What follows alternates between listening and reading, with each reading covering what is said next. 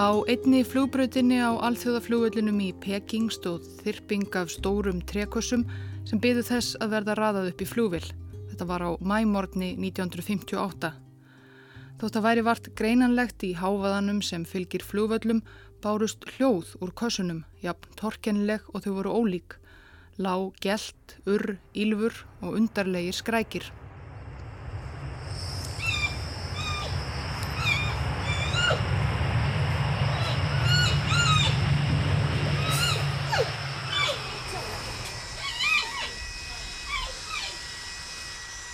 Því að í kössunum voru lifandi dýr, dýr af stærra og óvenjulegra tæginu, þar á meðal tveir hleparðar og fleiri kynjadýr og svo skeppnan sem gaf frá sér þessa ámátlegu skræki innan úr einum viðarkassanum, pattaralegur og loðinn náðri, svartur og hvítur.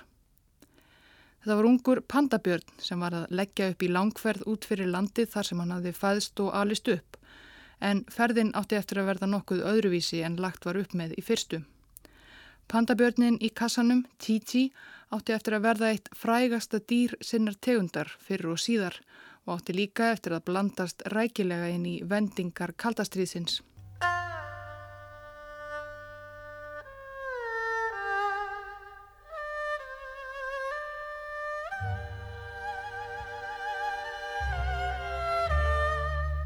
Ágæti hlustandi í síðasta þætti var fjallaðum það þegar vísindamenn frá Vesturlöndum komust fyrst í kynni við undarlegt dýri í skóum Kína, svartkvítan hlétrægan bambuselskandi björn.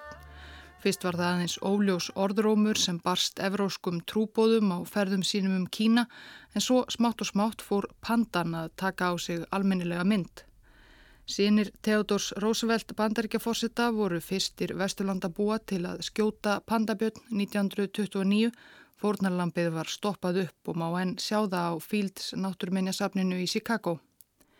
Það kom svo í hlut bandarískrar ekku að veiða fyrstu lifandi pönduna í bambuskóun Sjesúan og flytti hana vestur um haf þar sem ógnar sætur hútnin Sú Linn vakti fádæma fjölmiðlaðategli. Og fleiri pöndur fylgdu í kjölfarið og var komið fyrir í dýragörðum bæði í Bandaríkunum og Breitlandi. Fram að síðari heimstyrjöld höfðu Vesturlanda búar í raun frít spil við pönduveiðar í Kína. Kínverjar í greipum borgarastyrjaldar höfðu mannað að hugsa.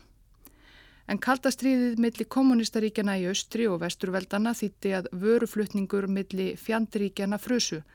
Bandaríkin og Kína höfðu lengi átt í nánu viðskiptasambandi en eftir 1949 Þegar alþýðu líðveldi var stopnað í Kína var það sambandað engu og það gildi alveg einsum flutninga á pandabjörnum millir heimsluta. Þeim var snarlega hægt.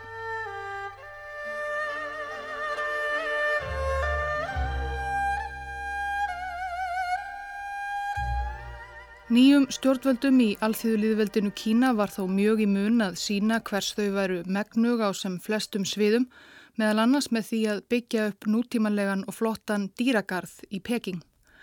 Á sjötta áratögnum voru ímis framandi dýr flutt til borgarinnar frá öllum heimslutum, apar og gírafar, nasirningar og flóðhestar. Mörg dýrin komu frá Kenia fyrir milligöngu austuríkismanns að nafni Hæni Demmer sem sérhæði sig í að díla með framandi dýr. Einmitt að díla. Í skiptum fyrir afríska dýrastóðið vildi austuríkismadurinn fá pandabjörn. Þó svo að Kína væri nú í ónáð þjá ráðamönnum í vestri var enn blúsandi eftirspurðn eftir þessum loðnu kínverjum í dýragörðum um allan heim. Kanski sem aldrei fyrr en það var miklu erfiðar að nálgast byrni nú en áður og pöndurnar í vestri höfðu komið illa undan heimstyrjöldinni. Fáar, urðu langlífar og þarna, vorið 1958, var svo komið að það voru nær engar pöndur eftir í vestrænum dýragörðum. Demmer fekk því fljótt tilbóð frá dýragarðinum í Chicago sem var til í að borga 25.000 dollara fyrir björn. Chicago menn vissu sem var að það voru fá dýr sem trektu að gesti eins og pöndur. Þá gað hafði fyrsti pönduhútnin sem var fluttur til Vesturlanda, Súlinn, sestað og laðaða 2000 gesta á fyrstu dögunum. Hæst ánæður með dýrin frá Kenya lefði dýragarstjórin í Beijing austuríkismanninum að velja sér pandabjörn til að flytja á landi. Það var fjöldin allur af böngsum í gardinum. Eftir að hafa það valið um stundinni á yfiráðasvæði þeirra valdi Demmer yngsta húnin, vinalegt og galsafullt kvendir sem kallað var Titi. Búið var um hana til langferðar þvert yfir heiminn. Titi var pakkað ofan í sérsmíðaða viðarkassa líkt og hinum framandi dýrunum sem Demmer hafi komist yfir í Kína, hliðbarðana tvo og svo fleiri kvikindi.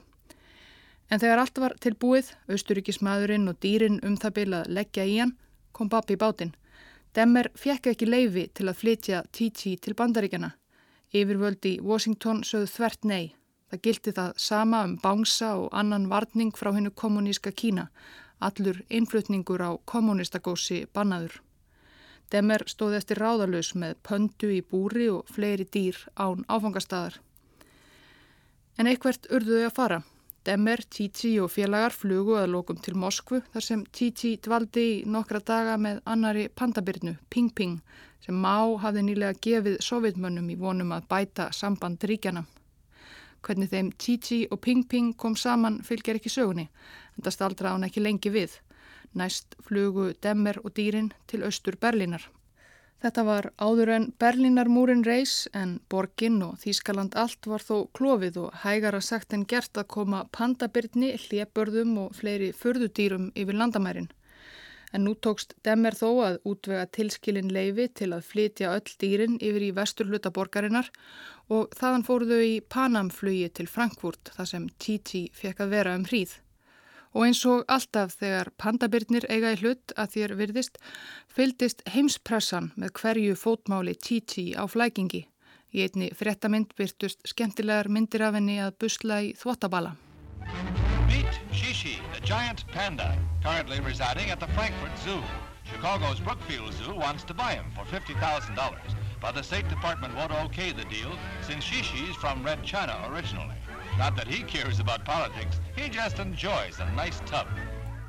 Þetta er Chi-Chi, risapanda sem býr nú í dýragarðinum í Frankfurt.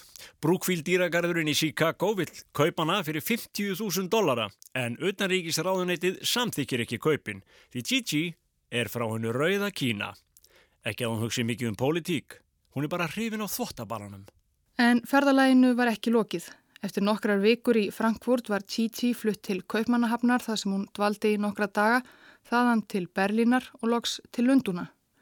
Í Lundunum varð uppi fótur og fytt við komu Titi í september 1958 en það hafði borgin og Breitland allt verið pöndulöst frá því um jólin 1944 þegar pandan Ming sem við kynntumst í síðasta þætti drapst eftir nokkura mánada veikindi. Titi sló strax í gegn. Upphaflega stóð til að Lundunir erðu bara eitt stopp á heimsreisu Titi þar til henni erði vonandi að lokum hleyftinn í bandaríkin þegar búið væri að fá undan þáu frá viðskiptabanninu. En dvölin í Lundunum varð lengri og þar er ekki síst fjölmiðlum um að kenna. Nokkru áður en Titi kom til Lunduna hafði sjónvarstöðin ITV hleyft af stokkunum þættinum Zootime Hann var síndur í beitni útsendingu í hverju viku, ætlaður börnum um öll þau skrítnu og skemmtilegu dýr sem finna mátti í dýragarðinum í Lundunum. Um svona maður þáttarins var ungur nýjútskrifaður dýrafræðingur að nafni Desmond Morris. Hann hafi skrifað lokareitgerð sína um ægslun hornsíla og hafði enga reynslu af sjónvarpi þegar hann hóf störf en átti síðar eftir að verða einn frægasti dýrafræðingur Bredlands og kunnur rittöfundur þó að á síðari hluta ferilsins hafi hann beint sjónum sínum ekki sístað dýrinu Homo sapiens. En Sútæm sló alltjent í gegn og ekki síst eftir að hinn uppáttækja sama og ómótstæðilega Titi bættist í hóp dýrana í gardinum. Aðrir fjölmiðlar voru jafn heitlaður af dýrinu. Chi-Chi, the giant panda, is one of those people you always call on. Providing the supply of bamboo shoots doesn't have to be cut down, he doesn't care a rap about anything. Phew, a heat wave's no good to a giant panda, and that certainly goes for Chi-Chi at the London Zoo. One of the rarest animals in captivity, she's valued at 12,000 pounds. But her significance is difficult to measure in money. It's believed there are only a few hundred giant pandas still in existence. Vinseldir Titi urðu slíkar að dýragarðurinn í Lundunum ákvað fljótt að kaupa dýrið og binda þannig enda á flakk þessum Evrópu. Samið var við austuríska dýradílerinn um 12.000 pund fyrir dýrið. Þaraf borgaði framlegslu fyrirtæki Sútæm 10.000 og dýragarðurinn sjálfur aðeins 2.000.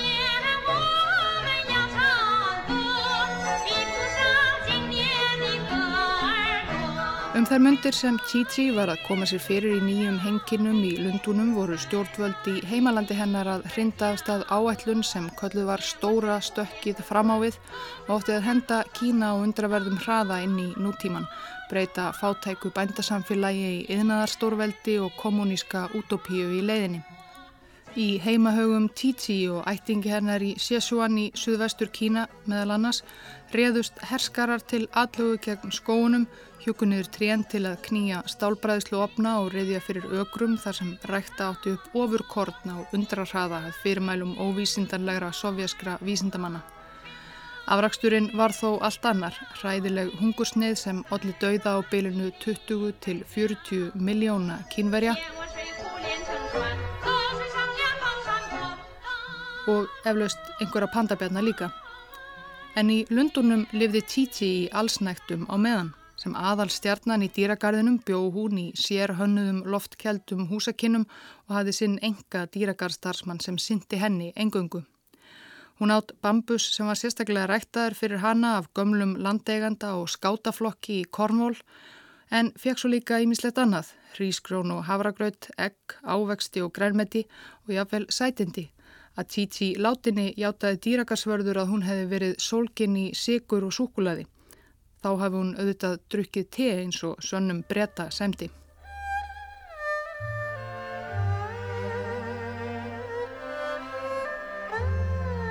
En eitt hafði Titi ekki og það var nokkur félagskapur af annari pöndu. Það var í byrjun sjönda áratugurinn sem dýragarsverðir í Lundunum fóru að taka eftir því að á ákveðnum tíma árs breytist hátalag Titi all nokkuð. Hún hegðaði sér undarlega og gerðist óeðlilega hændað umsjónamanni sínum. Titi var orðin fullvaksta og þótti þetta hátarlag benda til þess að hún væri á fengitíma. Titi var þarna löngu orðin eina pandan á Vesturlöndum. Síðustu pöndunar í bandarískum dýragörðum höfðu drepist í upphafi sjötta áratugurins og þegar sjöundi áratugurinn gekk í garð var hún í raun bara önnur af tveimur pöndum utan Kína. Hitt dýrið var An-An, pöndukarl sem kínverjar gáfu dýragarðinum í Moskvu 1959 í einhvers konar vonum að sætt bjarndýrið geti bætt síversnandi samskipti Sovjetiríkjana og Kína. Það varð ekki, en An-An var áfram í Moskvu og eflust í jafn innmanna á Titi, ein í Lundunum. Fullkomlega skiljanlegt að dýragarsverðir í Breitlandi hafi fengið þá hugmyndað leiða saman þessa tvo einmanna byrni. En þetta var í miðjú kaldastriðinu og það reyndist ekki auðvelt verk að skipulegja ástarfund pandabjarna þvert yfir sjálft í ártjaldið.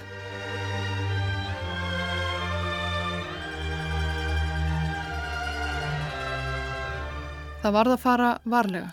Kurtesislegu brefi frá dýragars yfirvöldum í Lundunum til kollega í Moskvu þar sem ymbrað var á möguleikanum að hugsanlega efna til fundar þeirra Titi og annan var ekki svarað. Svo vildi til að einn af forsvarsmönnum dýragarsins í Lundunum var einnig starfsmæður breska varnamálaráðuneytisins og fylgdi ráþeranum í heimsókn til Moskvu eitt sinn.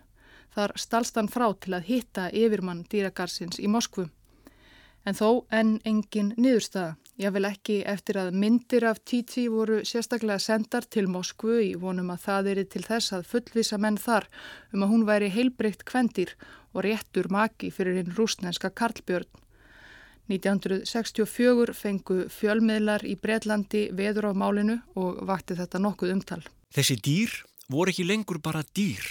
Sagði Desmond Morris sem var þá hættur í sjónvarpi og orðin yfirmaður í dýragarðinum síðar. Þau voru tákn östus og vestus að koma saman. Ef að þau hefðu slegist hefða litið frekar óheppilega út, svona táknrænt.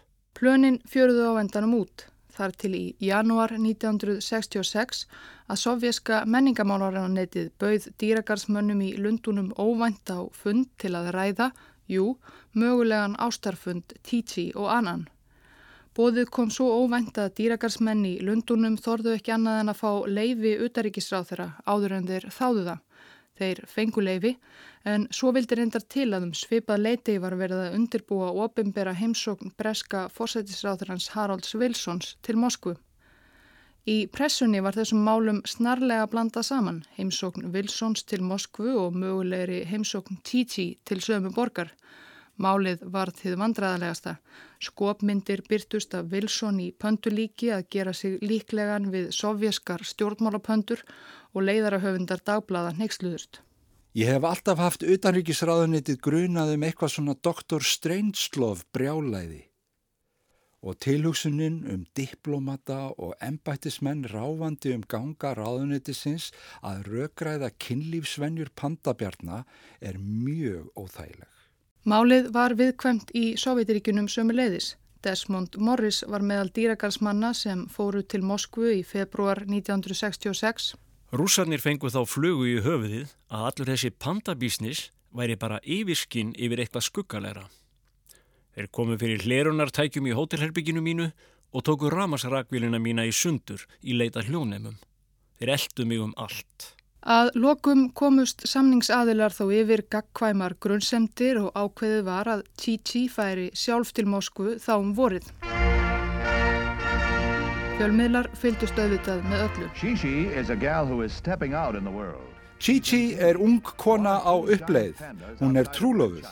Ein af tveimur risapöndum fyrir utan hið rauða Kína og er á leiðinni til Moskvu að hitta An-An þar en einu sinni spyr Ástin ekki að landamærum. Titi var flutt til Rúslands á þann hátt sem hæfði stórstjörnunni sem hún var, eða VIP eins og dýragarsverðir kolluðana, Very Important Panda, í sérsmíðuðu stóru búri um borði í sérútbúinni flugvel British European Airways, Með í för voru dýragarsverðir og stóð bladamanna. Not exactly what you would expect for a bridal car, but they didn't forget the white ribbon when Chi-Chi, the animal world's bride of the year, left to meet her betrothed in Moscow. Like all brides, the black-eyed beauty was naturally excited. Mótukutnar í Moskvu voru af öðrum toga. Bresku dýrafræðingarnir og bladamennir fyldust forviða með flugvallarstarfsmönum þar dröstla sérútbúna pöndubúrunu út úr sérútbúnu pönduflugvelinni upp í bíl og dröstlaði svo eins klunnalega út þegar í dýragarðin í Moskvu var komið. Titi ílfræði og var skiljanlega nokkuð slegin þegar hún klifræði út úr búrunu sínu í nýju landi, kannski ekki alveg í miklu stuði lengur. 30. og 1. mars voru skötuhjúin Titi og Annan loks leitt saman. Desmond Morris fyldist með öllu saman og tóku upp. The doors opened again. 244.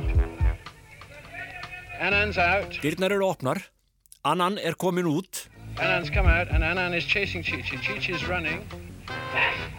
They're fighting now. Annan eldi Chi-Chi. Hún hleypur. Þau eru að slást. Annan making a funny ticking noise and he's chased her right up to the door and now she's stopped. She's, sat, she's sitting down at the door and Annan is, is coming up behind her. He's put his... Annan gefur frá sér skrítið tíst. Hann eldir hana alveg upp að dýrunum. Hún situr við dýrnar. Annan er fyrir aftan hana. Hann setur rammana upp á bakið á henni og hún stendur kyrr. Hann er ofan á henni en Chichi var að snúa sér við og nú er Annan flúin. Þannig fórum sjóferð þá. Ekkert gekk og endanum fóru Titi og breytarnir sneipulegir heim. Í oktober síndi Titi aftur merki þess að vera á loðaríi og þá var hún aftur sett upp í flúvel og beinustu leið til Moskvu. En síðari fundur Anan og Titi fór á sama hátt. Titi virtist lítið vilja hafa með Anan að gera. Ekkert varður ástarfundi þeirra á milli. Heimspressan skemmti sér konunglega og misefnaðar ástir pandabjarna urðað enn einum fáránlegum vígvelli kaldastriðsins.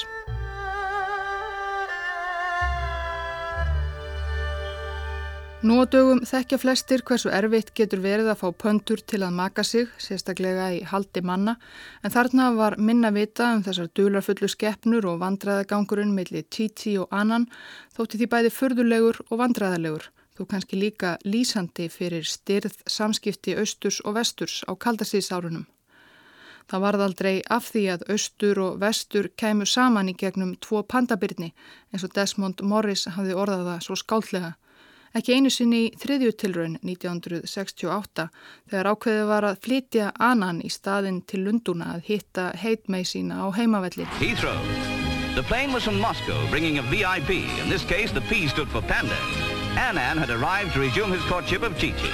The would-be Russian Romeo was headed for London Zoo to make another play for a reluctant lady friend who'd spurned his advances once before in Moscow. En þó að annan hafi þá dvalið í margar vekur í Lundunum inni á luxus pöndusvæði Titi var þenn ekkert úr neinu.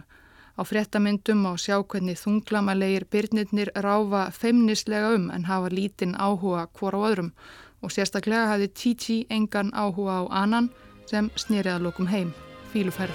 Mark you, Chi-Chi doesn't think he's a bad-looking fellow. It's just that she doesn't intend throwing herself at the first male who comes along. Chi-Chi skildi loks við án þess að hafa eignast eitt einasta afkvæmi í júli 1972, 15 ára gömul. Dauði hennar var fréttum heimallan en það var alla dæmi um víðförlari pöndu og sér í lagi var hún bresku þjóðinni mikill harmdauði. Hún var auðvitað stoppuð upp og má sjá hana í dag á náttúruminjasafninu í Lundunum þar sem hún situr í hortni einu í glerbúri og nagar sinn ástkæra bambus. Hlustendur hafa þó örglega næstum allir þegar séð mynd af Titi því hún var fyrirmyndin að einu allra frægasta vörumerki heims sem lýsandi dæmi um dýri útrymmingarhættu eins og pöndur voru og eru í raun enn var teikning af Titi notuð sem tákn alþjóðlegra dýra og náttúrvendarsamtaka sem stopnu voru í Sviss 1961. Titi er pandan í merki World Wildlife Fund, alþjóðlega náttúrvendarsjósins. En þegar Titi drapst var hún kannski ekki lengur frægasta panda veraldarinnar eins og hún hafi verið svo lengi. Því fyrra á sama ári, 1972, höfðu tvær aðrar pöndur ratað rækilega í heimsvettinnar.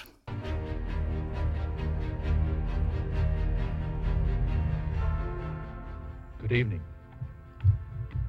I have requested this television time tonight to announce a major development in our efforts to build a lasting peace in the world. Sumarið 1971 tilkynnti Richard Nixon bandaríkjaforsiti þjóðsynni um undraverða vendingu í heimsmálunum eða stort skref í átt að því að tryggja varanlegan heimsfrið eins og hann orðaði það. There can be no stable and enduring peace without the participation of the People's Republic of China and its 750 million people. Það sem Nixon var að segja var að hann var á leiðinni í sögulega heimsókn til Kína, fyrstur bandaríkjaforsetta til að heimsækja ekki aðeins alþýðu líðveldið Kína, heldur meginland Kína almennt.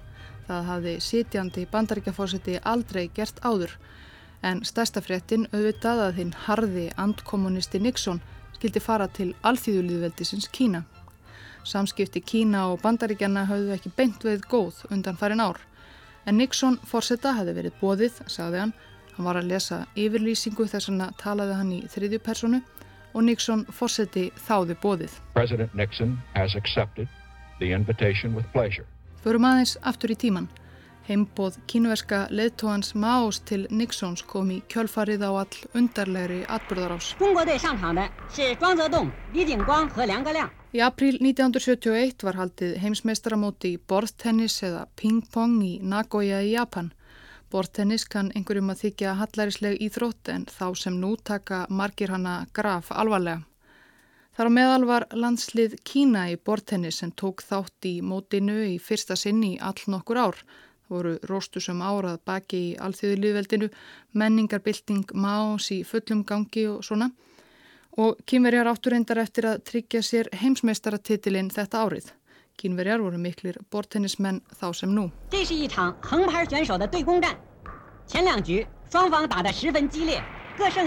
En það sem helst er minnst frá heimsmeistaramótinu í bortennis 1971 kom til fyrir tilviljun. Af tilviljun misti einn leikmaður bandaríska bortennis landsliðsins, Glenn Cowan, af rútuliðsins heima hótel. Hann dóð þó ekki ráðalauðs og sníkti sér far heim í rútu annars landsliðs, þess kínverska. Og á korterslangri rútuferð tókst mikill vinskapur með bandarækjamannunum og kínversku leikmönnunum og þeir skiptust á gjöfum og kveðjum. Þegar leið á mótið barst bandaríska liðinu svo formlegt bóð um að koma til Kína. Liðið þáði bóðið og varð síðar í april 1971 fyrsta bandaríska sendinemdin sem heimsótti Kína frá árinu 1949. Á þennan óvenjulega hátt hafði skindilega verið dreyið frá því sem stundum var kallað bambustjaldið, eins og jártjaldið þið vitið, eftir áratuga langa einangrun alþjóðliðveldisins Kína. Bortennis heimsóknin, ping-pong diplomatík hefur síðan verið talað um, vakti skiljanlega heimsatikli. Það gerði þó alls ekki heimsókn annars bandaríkjamanns til Kína síðar sama ár. Þar var á ferðinni Henry Kissinger, ráðgjafi Richards Nixons forsetta í varnarmálum og í raun hans hægri hönd í öllu sem snerti utaríkismál. Heimsókn hans til Kína fór vísvitandi látt, hún var í raun há leinileg. Samskipti þessa tvekja stóru ríkja voru þá í raun engin. Bandaríkin viðurkendu í staðin líðveldi sinna stjórnina á Tæfan sem réttmætt stjórnvöld í Kína og viðskiptabönnin sem gerðu það verkum að pandabjörnin Chi-Chi komst aldrei til Chicago og endaði þessi stað í Lundunum voru enni gildi. En Nixon hafði lengi verið áhuga samur um að bæta þessi ísköldu samskipti, jáfnvel áður en hann varð fórseti þó hann væri harður anstæðingur kommunisma og ista. Bæði var það stefnan að reyna að draga ár átökum stórveldana og út frá ískaldri raunsæðispolitík var það öllum til gags að bæta samskiptin, ekki síst til að draga ár áhrifum Sovjetiríkjana á heimskortinu því samskipti Begjaríkja, Bandaríkjana og Kína við ráðamenni í Moskvu voru orðin ansi styrð. Þó að Kínastjórn hefði svo sem áður kallað Nixon heimsvalda sinnaðan stríðsæsingamann, vildi hún svo samt sem áður líka vingast við hann. Það var líka sigur fyrir má og félaga ef sjálfur bandaríkjaforsiti kæmi að heimsækja land þeirra. Það myndi á glæsta fortíð Kína, hennir miklu keisarar fóru aldrei frá Kína, heldur tóku aðeins á móti erlendum leðtóum og sendibóðum sem vottuði þeim virðingu sína. Það var því úr að má formaður bauð Nixon forsetta í heimsókn og sá síðar nefndi þáði bóðið.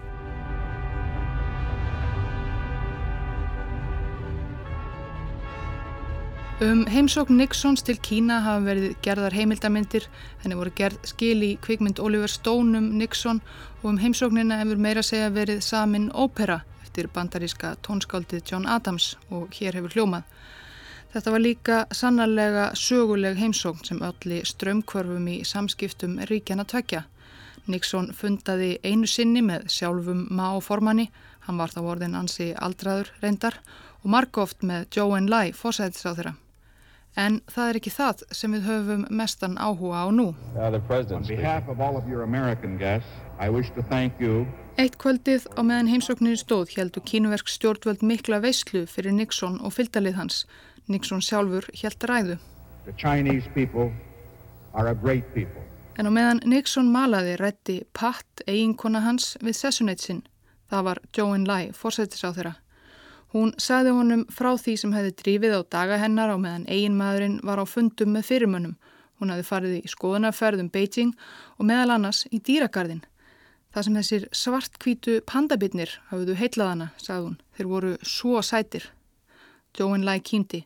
Fyrst þú ert svona hrifin að þeim þá skal ég bara gefa þér nokkra, sagðan. Og viti menn, þegar Nixon hjónin voru nýkomin aftur til Washington að lokinni Kína heimsókninni bárust þær fregnir frá kínverskum stjórnvöldum að þau höfðust gefa bandarísku þjóðinni tvo pandabirni til minningar um þessa sögulegu heimsókn. Bara fyrstu fréttir af yfirvóandi komu pandabjarnana til bandaríkjana Um tveimur áratugum eftir að síðasta pandan í bandarískum dýragarði að þið geispað gólunni vöktu aðtegli. Nixon fórseti sjálfur ringdi í rítstjóra dagbladsins Washington Star til að láta hann vita af nýjustu vendingum í pöndumálinu. Me, uh, uh, Mr. Uh, Crosby Noise, please, of the Washington Star? Yes, sir. Það er samtal sem hefur varðveist á hennum svo kalluðu Nixon spólum og af upphafið þess er ljóst að Nixon gerði sér grein fyrir þeim sess sem pöndur hafa alltaf skipað í fjölmiðlum. Oh, oh um,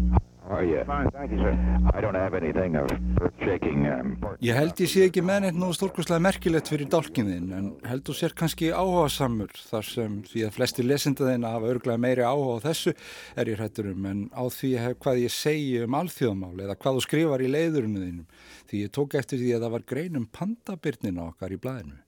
Nixon gaf síðan réttstjóranum það skúp að ákveðið hefði verið að björnunum tveimur erði búið heimili í dýragarðinum í Washington þó svo að annarkver dýragarður í bandaríkunum hefði sóst eftir því að fá að hýsa byrnina frægu. Eftir að þeim upplýsingum var komið á framfæri vek Nixon að öðru málefni sem hann reyndist mjög áhuga samurum, nefnilega kynlífi pandabjarnar. This question of mating is very interesting. These are, this is a male and a female. Uh -huh. The problem with, the problem, however, with pandas is that they don't know how to mate. The only way they learn how is to watch other pandas mate, you see? and so they're keeping them there a little while, these are younger ones, to sort of learn, you know, how it's done. Now, if they don't learn it, they'll get over here, nothing will happen. So uh, I just thought you should, should have your best reporter out there to see whether well, these pandas have learned. Þetta mál með ægslun þeirra er mjög áhugavert. Þetta eru karl og kvendir. Vandamálið, sko vandamálið með pöndur er að það er kunni ekki að maka sig eina leiðin fyrir þær að læra það er að fylgjast með öðrum pöndum. Og þess vegna ætla þeir að halda þeim í smá stund. Þetta eru ung dýr, svo þeir getur svona lært, þú veist hvernig þetta er gert. Já, það er svona að læra. Nú eða læra þetta ekki, þá koma þeir bara hingað og ekkert gerist, þannig að mér finnst bara að þú ættir að senda þinn besta bladamanna nú til að fylgjast með því. Já, við gerum það áræðanlega. Pöndur hafi lært eitthvað eða hvað. Komu tveggja pandabjarnar til Washington ekki löngu síðar, 16. april 1972, fylgdi kunnulegt fjölmiðlafár.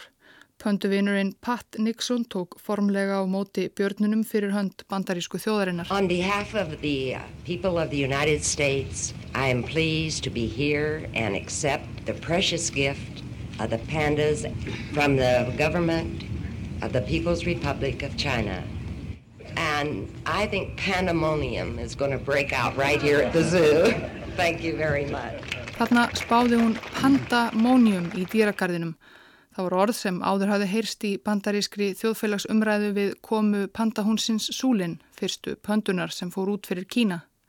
Svipað fjölmiðlafár og múæsingur fyldi sannarlega þeim Lingling og Singsing. Tugþúsundir gesta skoðuðu þau fyrstu daga þeirra í dýragarðinum og sekkir á sekki ofan af posti frá aðdáandum þeirra um bandaríkin þver og endilöng bárust dýragarðinum.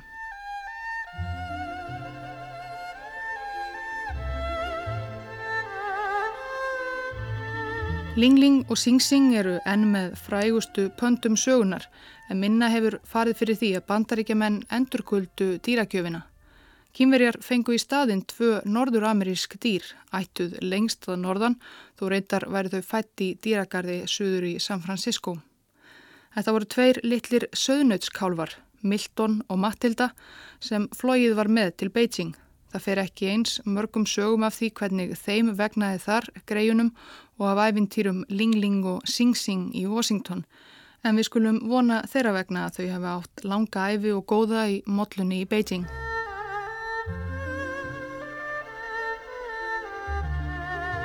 En kynverjar voru auðvitað ekki að senda bandarækjumönnum pandabirnina 2, þá fyrstu sem fóru frá Kína í meira en áratug, bara í skiptum fyrir söðnut eða vegna gjafmeildi Zhou Enlai.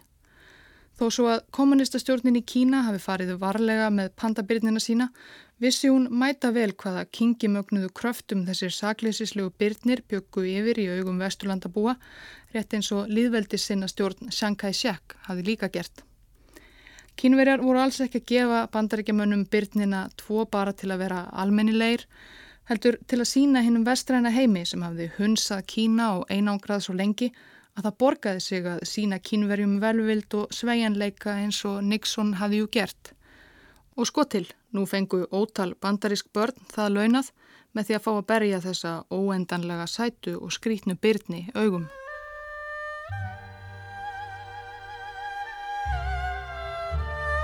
Á eftir ping-pong diplomatík kom því panda diplomatík Á síðustu árum hefur við enda séð æg betur hvernig kínversk stjórnvöld hafa beitt pandabjörnum fyrir sig í pólitískum tilgangi til að auka almenna velvild í garð Kína og fá sínu framgengt á alþjóða vettvangi. Chi-Chi, Ling-Ling og Sing-Sing voru kannski með fyrstu pöndunum sem virkilega flæktust inn í flókna alþjóðapólitík en alls ekki þar síðustu.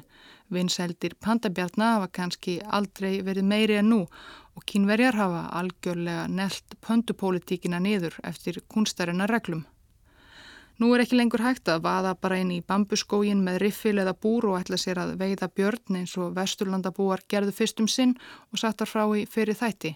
Þá er ekki heldur lengur hægt að kaupa bara pandabjörn af einhverjum vafasöfum dýradíler eins og dýragarðurinn í Lundunum gerði þegar þeir eignuðust dindóttu stjórnuna Titi. Og kínverjar eru líka hættir að gefa bara pöndur sem pólitískar gjafir eins og þeir gáfu Ling Ling og Sing Sing og nokkrar fleiri pöndur eftir það. Kínversk stjórnvöld hafa enda áttað sig á að eftirspurnin eftir pandabjörnum úti í heimi er svo mikil að þau geta í raun gert hvað sem þeim sínist. Nú á dögum geta ríki heims einungis sótt um að fá pöndur í veikri vonum að hljóta náð fyrir augum kínverskra stjórnvalda og jáfnvel þá er ekki hægt að fá þessi eftirsóttu dýr nema með ærnum tilkostnaði. Nú eru pandabirnir bara lánaðir frá pönduransóknarstöðum og verndarsvæðum í Kína yfirleitt til tíu ára í senn gegn híminhári greiðslu í upphafi lánstímabilsins og að uppfylltum ströngum skilirðum um aðbúnað bjarnana og velferð. Þá er það einnig hluti samningsins að ef svo indislega vil til að pöndur á erlendri grundu eignist húna, þær eru nú orðið yfirleitt sendar tvær saman, Karl og Kvendir, þá telst sá hútn eign alþjóðu líðveldisins Kína og ekkert múður með það.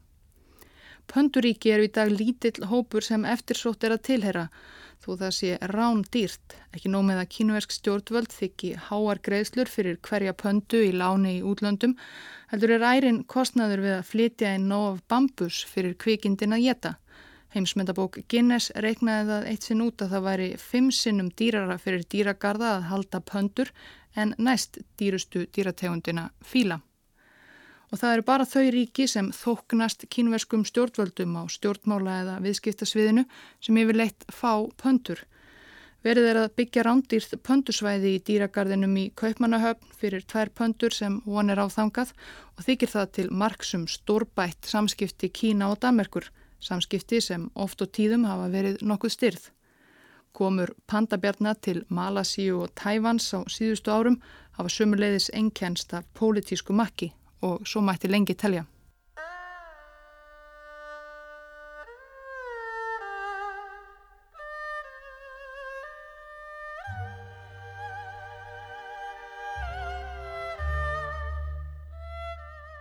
Ágæti hlustandi í undanförnum tveimur þáttum hefur aðeins verið stiklað á stóru í ævintýralegri sögu bjarnanna hlétrægu sem allir verðast elska. Segjum eftir fleiri sögur af merkum pandabjörnum og eflust eiga fleiri byrnir eftir að láta skrá sig á spjöld sögunar í framtíðinni. Takist mannskeppnunni að koma í veg fyrir útrýmingu tegundarinnar, það er. En stóra spurningin að lokum er auðvitað ætli einhver tíman komi pandabyrnir til Íslands.